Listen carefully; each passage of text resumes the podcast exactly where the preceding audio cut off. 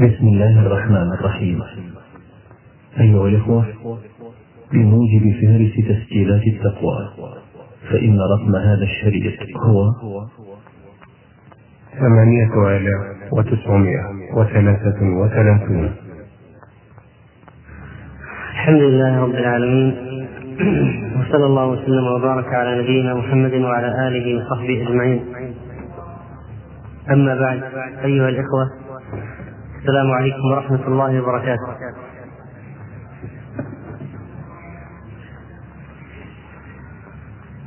وبعد فنحن في هذه الليلة سنتكلم إن شاء الله عن موضوع يهمنا جميعا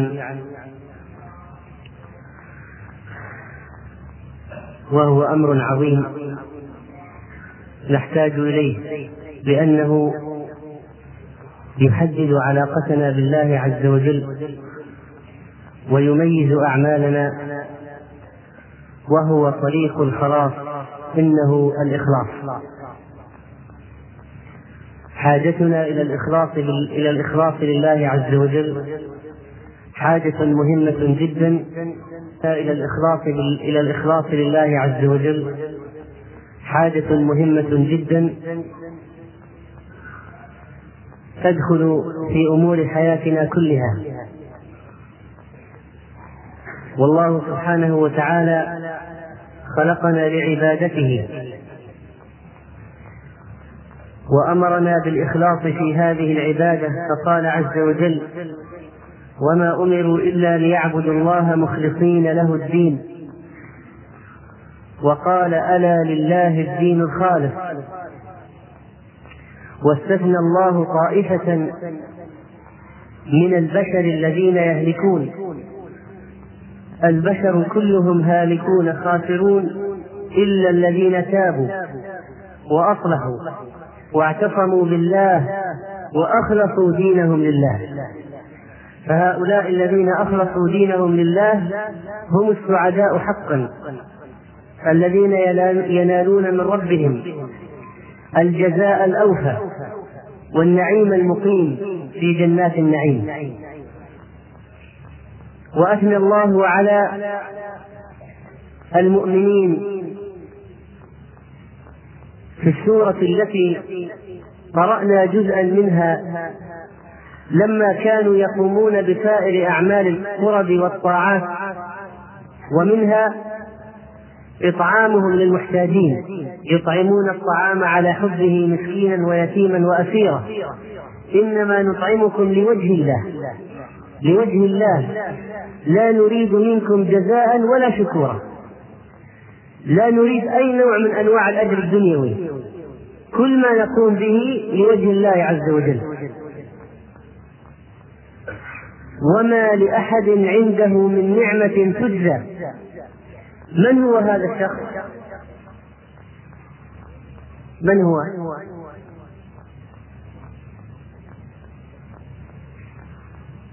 من هو؟ ما هي صفته؟ وما لأحد عنده من نعمة تجزى إلا ابتغاء وجه ربه الأعلى ولسوف يرضى. نعم. وسيجنبها الأتقى. الذي يؤتي ماله يتزكى. وما لأحد عنده من نعمة تجزى إلا ابتغاء وجه ربه الأعلى ولسوف يرضى. ولذلك فإن الله تعالى لا يقبل عملا من العبد إلا إذا كان خالصا لوجهه. يقول صلى الله عليه وسلم في الحديث الصحيح إن الله تعالى لا يقبل من العمل إلا ما كان له خالصا وابتغي به وجهه سبحانه وتعالى. روى الترمذي وحسنه وابن حبان في صحيحه عن الوليد بن أبي الوليد أبي عثمان المديني أن عقبة بن مسلم حدثه أن شفيا الأصبحي حدثه. أنه دخل المدينة فإذا هو برجل قد اجتمع عليه الناس. فقال من هذا؟ قالوا أبو هريرة. قال فدنوت منه حتى قعدت بين يديه. وهو يحدث الناس. فلما سكت وخلى قلت له أسألك بحقي وحقي. لما حدثتني حديثا سمعته من رسول الله صلى الله عليه وسلم. وعقلته وعلمته. فقال أبو هريرة أفعل لأحدثنك حديثا. حدثنيه رسول الله صلى الله عليه وسلم. عقلته وعلمته. ثم نشغ أبو هريرة نشغة فمكثنا قليلا ثم أفاق. أخذته أخذته السكينة لأبي هريرة رضي الله عنه. فكاد أن يغشى عليه شفقة وأسفا وخوفا من الله عز وجل. فشهق هذه الشهقة. نشغ نشغة. ثم أفاق من هول الحديث الذي سيتكلم به. فقال لأحدثنك حديثا حدثني رسول الله صلى الله عليه وسلم أنا وهو في هذا البيت. ما معنا أحد غيري وغيره. ثم نشغ نشغة أخرى ثم أفاق ومسح عن وجهه. فقال أفعل. لأحدثنك حديثا حدثنيه رسول الله صلى الله عليه وسلم. أنا وهو في هذا البيت. ما معنا أحد غيري وغيره. ثم نشغ أبو هريرة نشغة شديدة ثم مال خارا على وجهه. فأسندته طويلا. ثم أفاق فقال. ما هو الحديث الذي لأجله حدث لأبي هريرة كل هذا الشأن؟ حدثني رسول الله صلى الله عليه وسلم. إن الله تبارك وتعالى إذا كان يوم القيامة ينزل إلى العباد ليقضي بينهم. وكل أمة جاثية على ركبهم من هول ذلك اليوم. فأول من يدعى به رجل جمع القرآن ورجل قتل في سبيل الله ورجل كثير المال. فيقول الله عز وجل للقارئ ألم أعلمك ما أنزلت على ما أنزلت على رسولي؟ فقال بلى يا ربي. قال فما عملت فيما علمت. قال كنت أقوم به آناء الليل وآناء النهار. فيقول الله عز وجل له كذبت. وتقول له الملائكة كذبت. ويقول الله تبارك وتعالى بل أردت أن يقال فلان قارئ. ماهر بالقراءة مقرئ. جيد وقد قيل ذلك. ويؤتى بصاحب المال. فيقول الله عز وجل ألم أوسع عليك حتى لم أدعك تحتاج إلى أحد؟ قال بلى يا رب. قال فماذا عملت فيما آتيتك؟ قال كنت أصل الرحم وأتصدق. فيقول الله له كذبت. وتقول الملائكة كذبت. ويقول الله تبارك وتعالى بل أردت أن يقال فلان جواد كريم. وقد قيل ذلك. وقد قيل ذلك وأخذت أجرك في الدنيا من كلام الناس. ويؤتى بالذي قتل في سبيل الله. فيقول الله له في ماذا قتلت؟ فيقول أي ربي؟ أمرت بالجهاد في سبيلك فقاتلت حتى قتلت. فيقول الله له كذبت وتقول الملائكة كذبت ويقول الله بل أردت أن يقال فلان جريء شجاع. فقد قيل ذلك. ثم ضرب رسول الله صلى الله عليه وسلم على ركبته فقال يا أبا هريرة أولئك الثلاثة أول خلق الله تسعر بهم النار يوم القيامة. يا أبا هريرة أولئك الثلاثة أول خلق الله تسعر بهم النار يوم القيامة. أول خلق الله.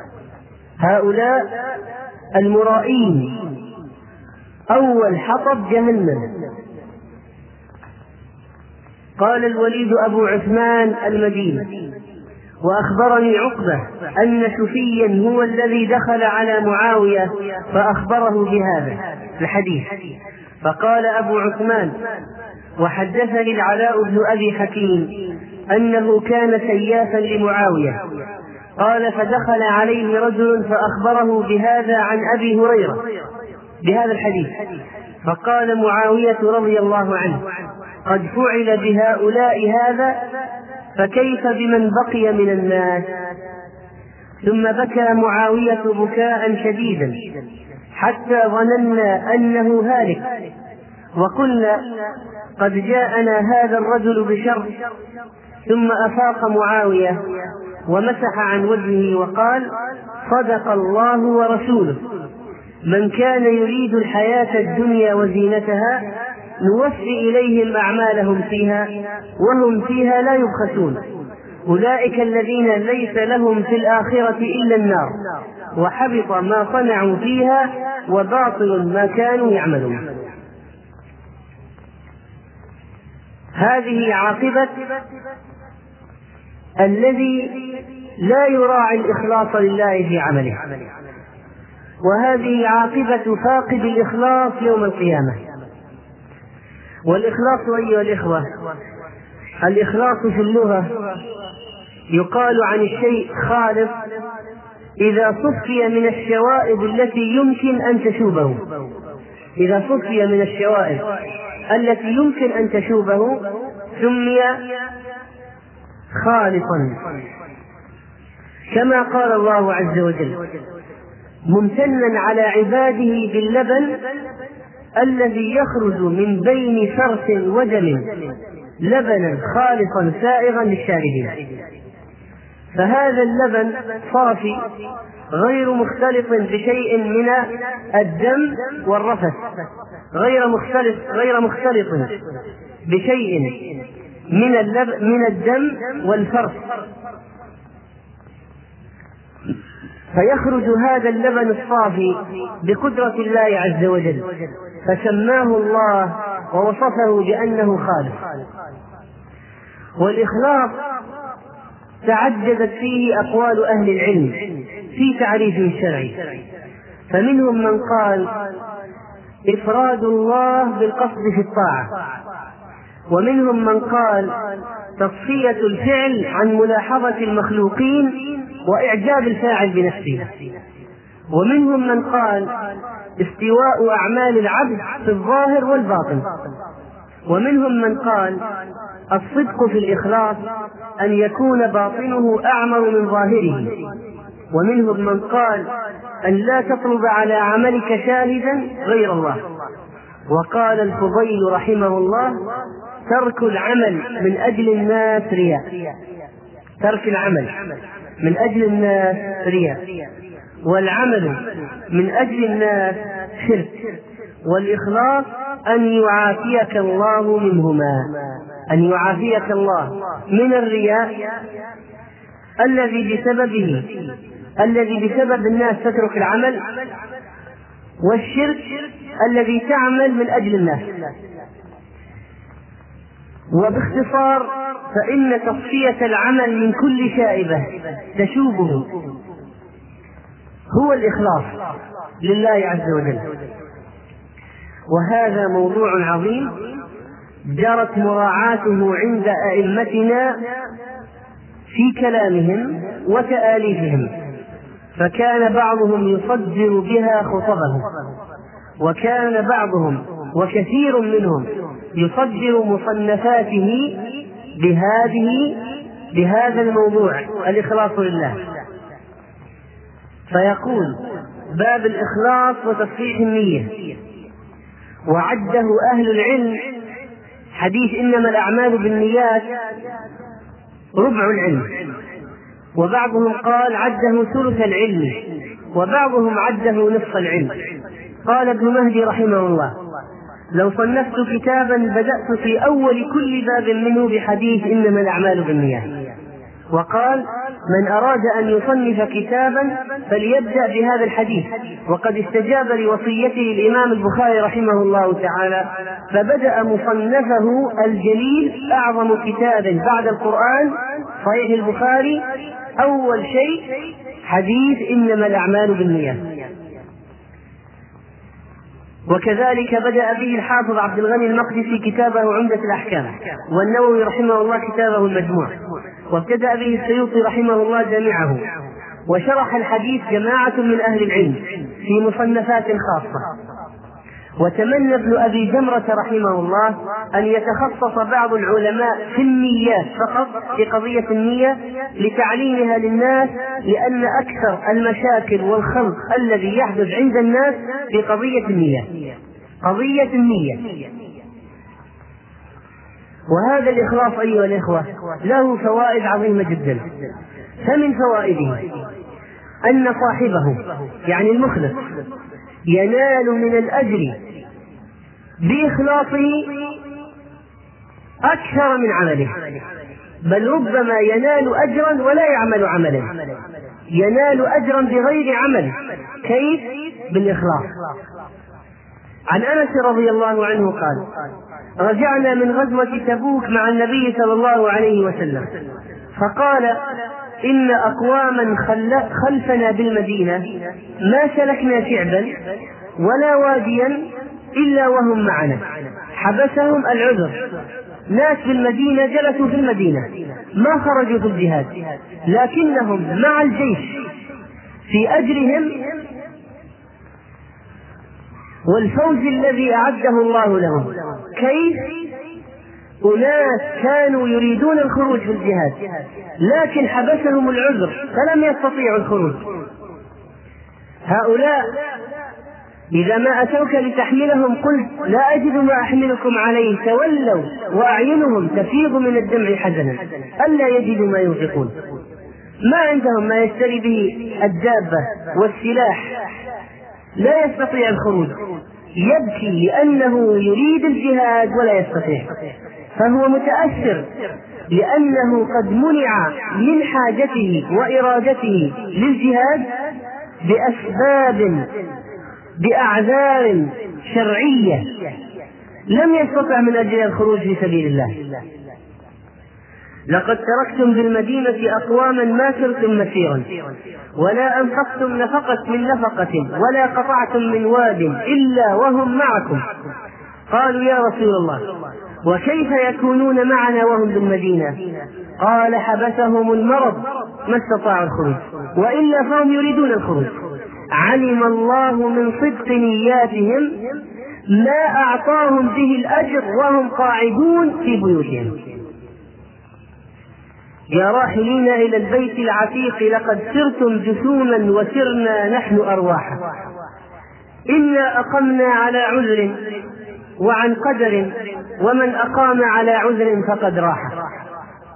بعض الناس في أخطار الأرض يودون الذهاب للحج والعمرة لكن لا يستطيع.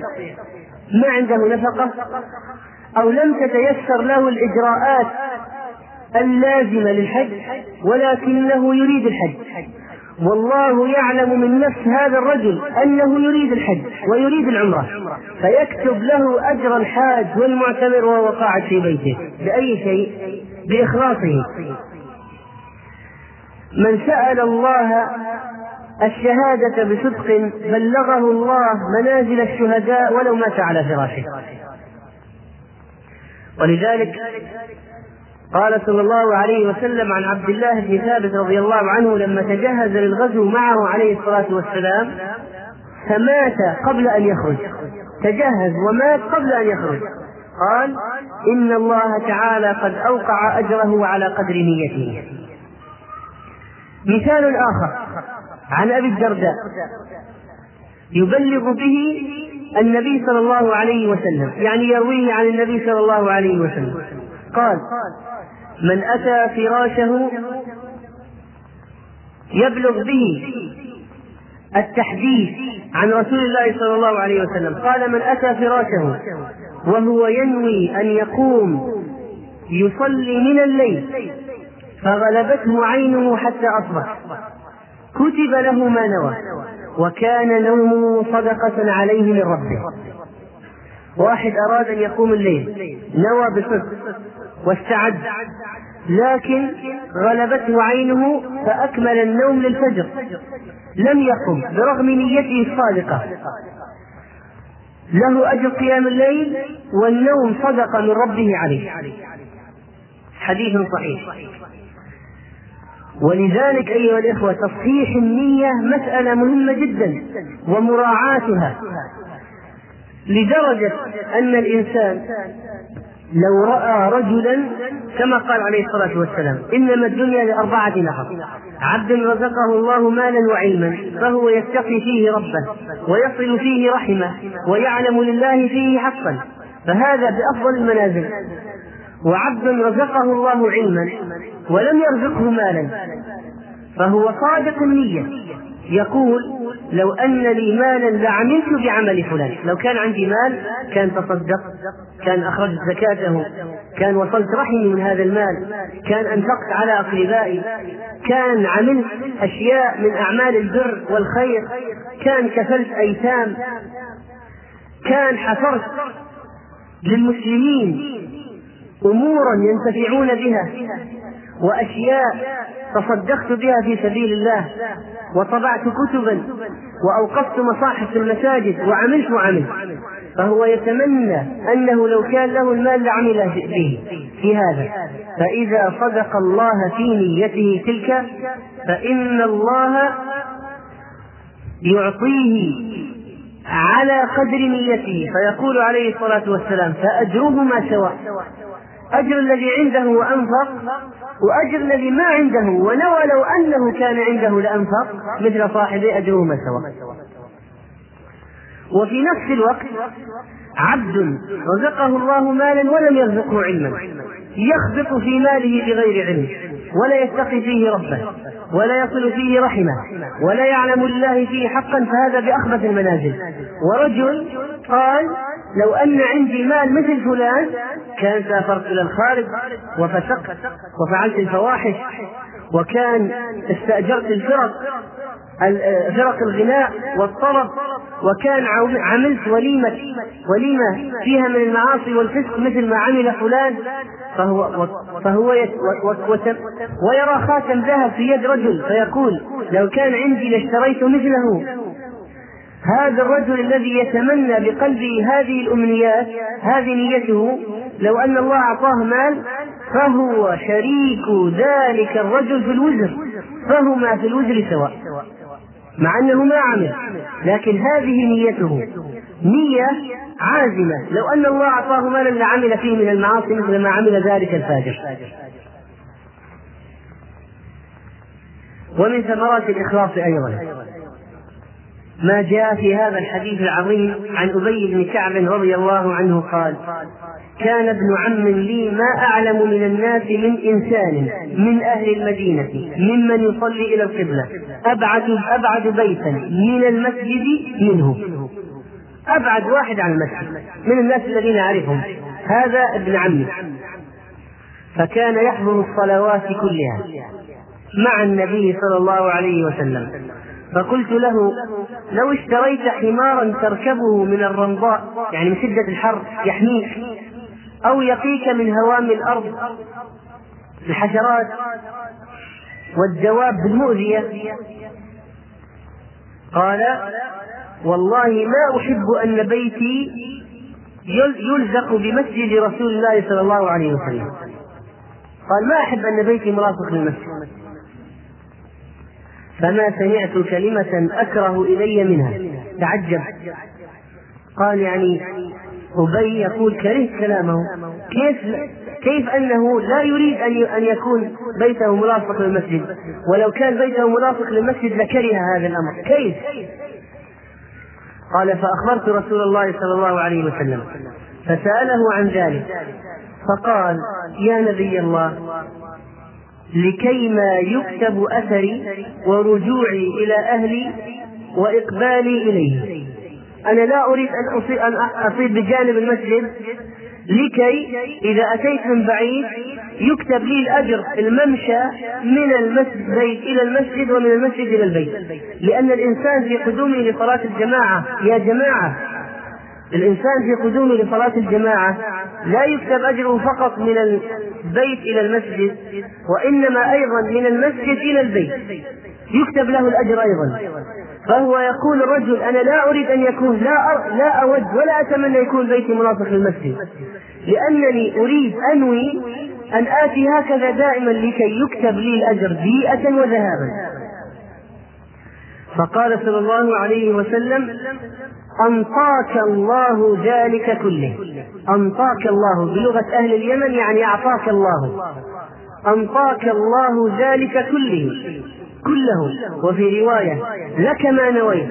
أو قال لك أجر ما نويت. وفي مسلم لك ما احتسبت. لك ما احتسبت.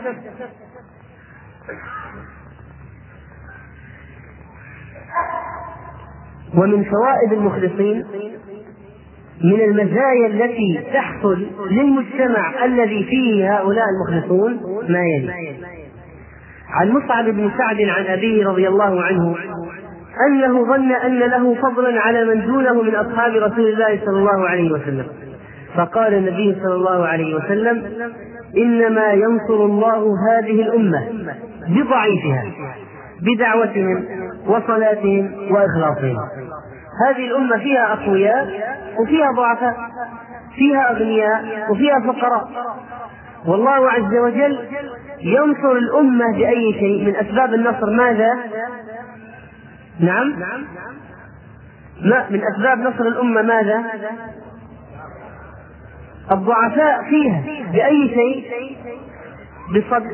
بصلاتهم ودعائهم بصدقهم وإخلاصهم. لأنه في العادة أن الضعيف عنده من الإخلاص ما ليس عند القوي. فإنه لا يملك كثيرا من الأسباب التي تدفع إلى عدم الإخلاص. ولذلك لا تحتقر لا تحتقر ضعيفا ابدا. إذا كان شقيا فإنه قد يكون سبب نصرة الأمة به. وتصوروا أيها الإخوة ماذا يفعل الإخلاص؟ يقلب العادات إلى عبادات. ربما يكون هنا عمل صورته واحدة ولكن أجر العاملين به يختلف. فمثلا الزواج. الذي يتزوج للاستمتاع من المباح مكانته عند الله غير الذي يتزوج ليعف نفسه. في واحد يتزوج الاستمتاع بالمباحات وهذا لا بأس به. لكن هناك من ينوي بالزواج إعفاف نفسه. وهناك من ينوي بالزواج إضافة إلى ذلك إعفاف زوجته. وهناك من ينوي إضافة إلى ذلك ابتغاء الولد الذي يكسر به هذه الأمة. وهناك من ينوي بالإضافة إلى ذلك الإنفاق على زوجته وأولاده وهذا الإنفاق في سبيل الله هل هؤلاء أجر سواء؟ هل هؤلاء أجر سواء؟ لا لماذا؟ طيب هذا تزوج وهذا تزوج وهذا تزوج كلهم فعلوا نفس الشيء كلهم تزوجوا والزواج صورته واحدة ولكن ما هو سبب التفاوت في الأجر إذا؟ النية النية النابعة من الإخلاص. الغسل. من الناس من يغتسل تنظفا وإزالة للأقذار والأوساخ. ومنهم من يغتسل تبردا رجل حر.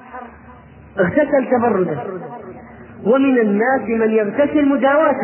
قد يكون به حمى شديدة. وذهب اغتسل ولكن من الناس من يغتسل للجمعة. فأيهم أفضل الذي يغتسل للجمعة؟ الغسل واحد. هذا يتروش جميع بالماء لكن هذا له أجر أكبر لأنه نوى بغسله الجمعة أو إتيان المسجد وهو نظيف لكي لا يؤذي المسلمين أو غسل الجنابة ونحو ذلك. ما دام أنه نوى قرب وطاعة بهذا الغسل فتحولت عادته إلى عبادة يؤجر عليها. من الناس من يمسك عن الطعام.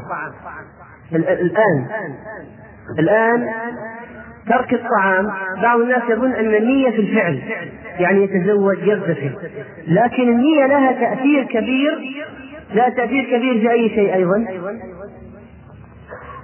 نعم. النية لها تأثير في إيش؟ في الترك. كما أن لها أثر في الفعل فلها أثر كذلك في الترك. كيف؟ من الناس من يترك الطعام حلية حتى لا يصيب مرض. ومن الناس من يترك الطعام تداويا حتى يشفى من مرض واقع فيه. ومن الناس من يترك الطعام بخلا حتى على نفسه. ومن الناس من يترك الطعام لعدم ميله إليه وعدم تعلقه به لا يشتهي. ومن الناس من يترك الطعام صياما لرب العالمين فأيهم أكثر أجرا؟ فإذا فإذا يحصل هنا الأجر على الترك كما يحصل الأجر على الفعل بأي شيء؟ بالنية.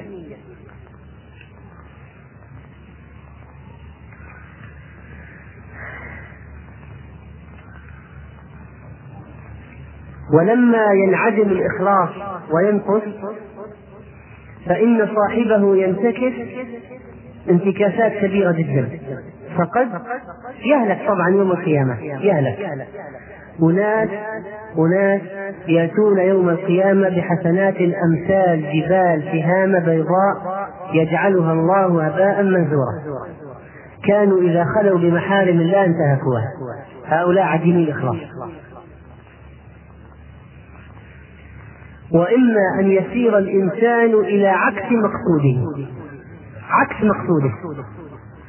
وإما أن يسير إذا خص الإخلاص سير المقيد المقعد.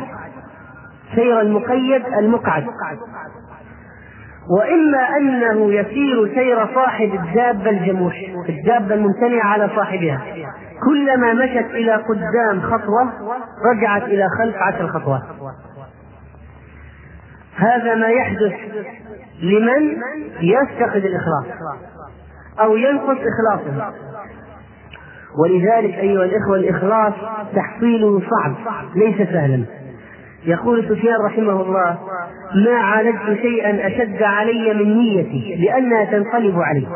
كلما آتي لأثبتها تنقلب. فأنا أعالج وأجاهد وأجتهد في تثبيت النية. لأن قلوب العباد بين إصبعين من أصابع الرحمن.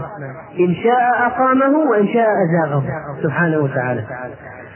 ولذلك واعلموا أن الله يحول بين المرء وقلبه. فلا يمكنه من التوبة ولا يمكنه من الإخلاص. يحول بين المرء وقلبه. ولذلك أصعب شيء مجاهدة النفس على الإخلاص. أصعب شيء توجيه النية لله رب العالمين.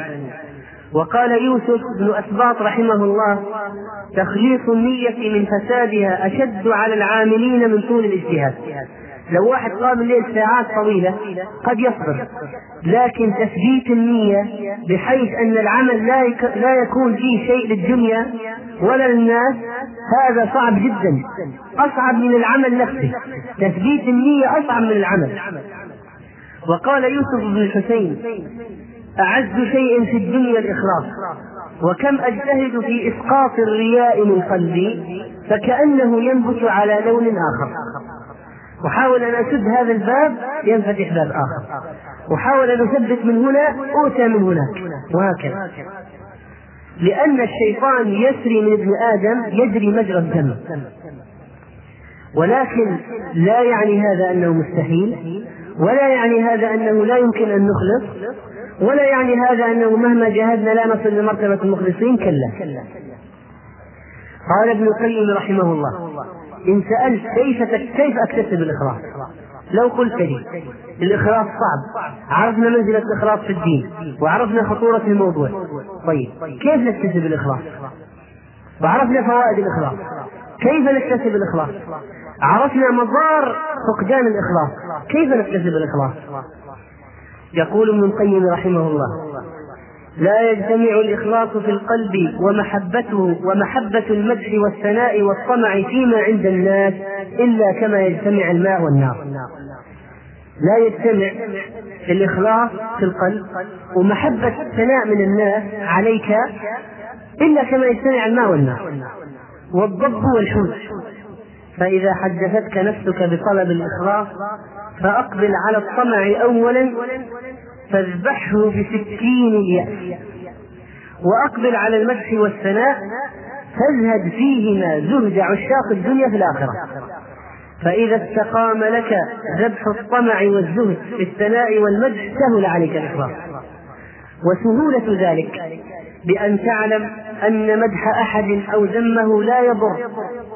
طيب لو واحد قال كيف تريد مني أن أقطع الطمع بثناء الناس ولا أكترث بذم الناس؟ كيف؟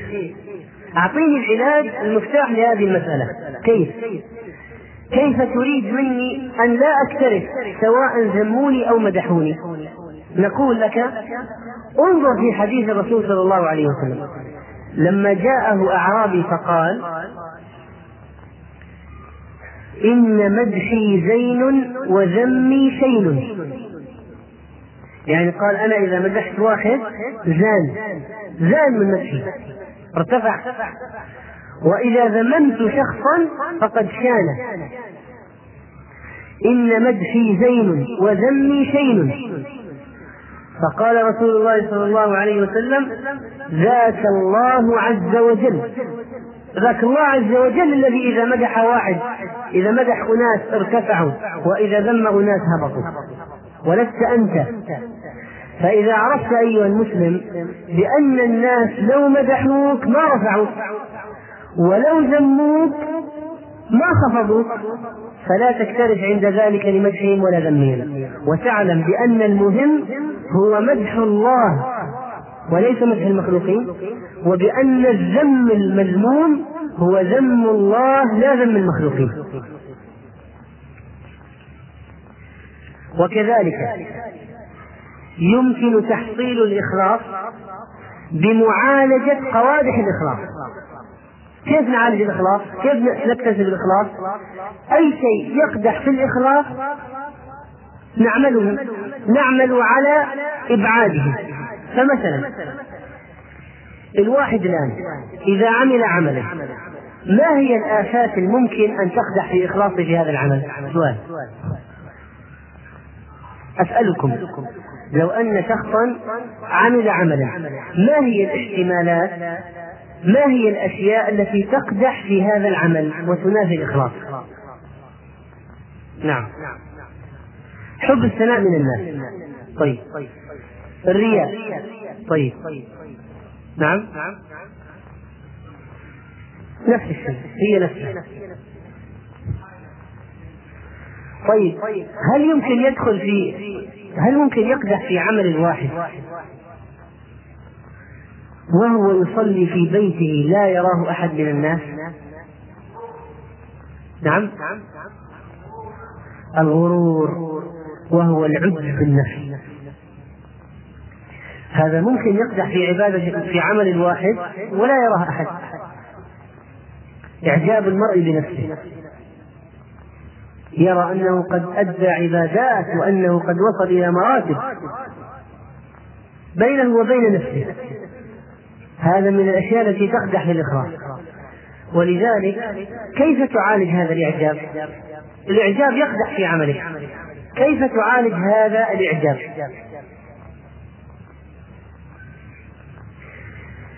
أولا أن تعلم أن الله عز وجل حقه أكبر مما عمل. مهما عمل فحق الله أكبر. يمكن لو وزنت أعمالك كلها يوم القيامة ما ساوت نعمة البصر. مثلا عند ذلك تعلم أن عملك لا شيء. فكيف بالنعم الأخرى؟ كيف بنعمة الهداية؟ كيف بنعمة الإيمان؟ وتعلم أيضا من الذي وفقك في هذا العمل؟ الله عز وجل. هل جاء منك دون الله؟ لا. وإنما الله الذي وفقك له فلماذا تعجب به؟ وما جاء من عندك؟ ولا كنت أنت الذي فعلته من دون الله ووفقت إليه من دون الله؟ لا. الله الذي وفقك له. وكذلك من الأمور التي تعالج العجب بالعمل أن تشعر إذا عملت عملا بشدة الحياء من الله عز وجل. والذين يؤتون ما آتوا وقلوبهم وجلة. أنهم إلى ربهم راجعون. ما معنى هذه الآية؟ يعني إنك إذا تصدقت بصدقة أو أعطيت شيء خلوا الأسئلة الآن نأخذها في الأخير. لا أحد يجيب لنا أسئلة. الان أقول إذا آتيت صدقة وعملت عملا طيبا. فليكن إحساسك بأجل الحياء من الله عز وجل. لأنك كأنك تقدم شيء وتخشى أن لا يقبل. وتقدم شيء هزيل. وأن حق الله أعظم من هذا. ولذلك الرجل يصوم ويصلي ويتصدق ويخاف أن لا يقبل منه. الرجل يصلي ويصوم ويتصدق ويخاف أن لا يقبل منه. هذا الذي يعمل الأعمال ثم يخاف أن لا يقبل منه؟ هذا الرجل نجا من الإعجاب بنفسه. وكذلك أن تعلم كما ذكرنا قبل قليل أن عملك منة من الله وليست منة من نفسك. وفضل من الله وليست فضلا من عندك وتوفيق من الله وليس توفيقا من عندك وما تشاءون إلا أن يشاء الله. فالخير من عند العبد من الله. ولولا فضل الله عليكم ورحمته ما زكى منكم من أحد أبدا. ولكن الله يزكي من يشاء. ولذلك كان كلام أهل الجنة الحمد لله الذي هدانا لهذا. وما كنا لنهتدي لولا أن هدانا الله. لاحظ وما كنا لنهتدي لولا أن هدانا الله. ولولا أن ثبتناك لقد كدت تركن إليهم شيئا قليلا. الله عز وجل يقول لرسوله صلى الله عليه وسلم لولا أن ثبتناك يا محمد لقد كدت تركن إلى الكفار شيئا قليلا. فمن الذي ثبتك؟ ولكن الله حبب إليكم الإيمان وزينه في قلوبكم. إذا الواحد أقبل على الطاعات وأحس بحلاوتها من الذي أوجد في نفسه هذا الدافع؟ الله. من الذي حبب إليه الإيمان؟ الله. من الذي زينه في قلبه؟ زين الطاعات؟ الله. ولذلك ما دمت تعلم بأنها من عند الله وكذلك من الأشياء التي تقضي على الإعجاب بالعمل أن تعلم أن كل عمل مهما عظم فإن للشيطان فيه نصيبا ولو قل. وقال صلى الله عليه وسلم عن الرجل الذي يلتفت فجأة في الصلاة أحيانا الواحد يلاحظ قد يلاحظ على نفسه أنه التفت فجأة في الصلاة ورجع فجأة التفت بنظره ورجع. قال هو اختلاس يختلسه الشيطان من صلاة العبد. هذا اختلاس النظر. فكيف باختلاس القلب؟ فإذا عرفت أن كل عمل عملته قد يكون للشيطان فيه نصيبا تعلم أن عملك معيب. ولذلك لا يمكن أن تعجب بعمل معيب. وناقص. طيب. من القوادح أيضا من القوادح أن يطلب القوادح في الإخلاص التي ينبغي أن تعالج حتى يكون هناك إخلاص. من القوادح أن يطلب العبد بعمله العوض من المخلوقين. أيا ما كان هذا العوض. أيا ما كان هذا العوض. وهذا العوض قد يكون أشياء كثيرة. منها التزين في قلوب الخلق حتى يكون هو عند الناس له شأن وله وزن.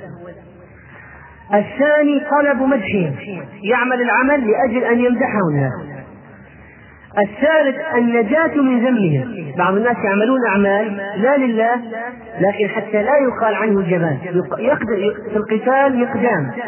لماذا أقدم؟ ها؟ حتى ينجو من ذم الناس يقول عنه فلان جبان يحسن الصلاة حتى لا يكون عنه فلان يسرع في صلاته. مثلا فينجو من ذم الناس يريد أن ينجو من ذم الناس. أن طلب تعظيمهم أن يعظموه. خامسا طلب أموالهم. طلب أموالهم. من فضلك اقلب الشريف.